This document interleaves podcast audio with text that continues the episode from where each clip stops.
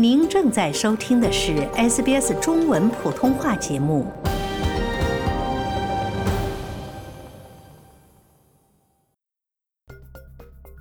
各位听众，大家好，我是 Lauren 陈龙。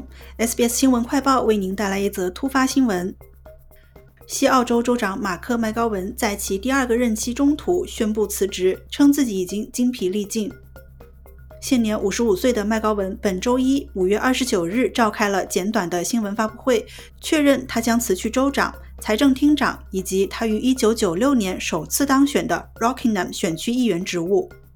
这位前海军律师在疫情期间领导西澳洲度过了艰难时期，在二零一七年和二零二一年带领工党取得了压倒性的选举胜利，且在二零二一年为他的政党赢得了该州历史上最大的议会多数席位。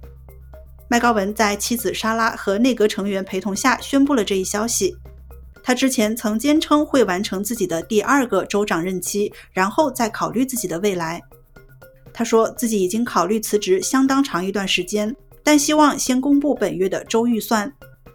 而本周将是他在州议会任职的最后一周。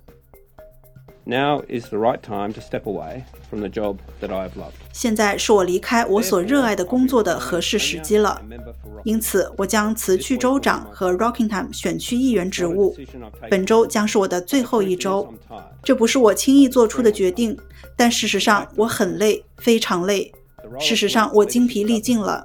政治领导的责任永无止境，它是无休止的。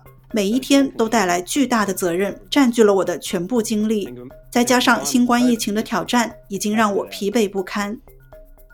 麦高文表示，作为州长和议员为西澳社区服务近三十年是一种荣幸。感谢收听本期 SBS 新闻快报。作为 SBS 新推出的新闻资讯播客，我们致力于让在澳华人及时了解国内外新闻以及社区资讯。在任何播客平台搜索 SBS 普通话，点击订阅，开启消息提醒，不错过任何突发新闻。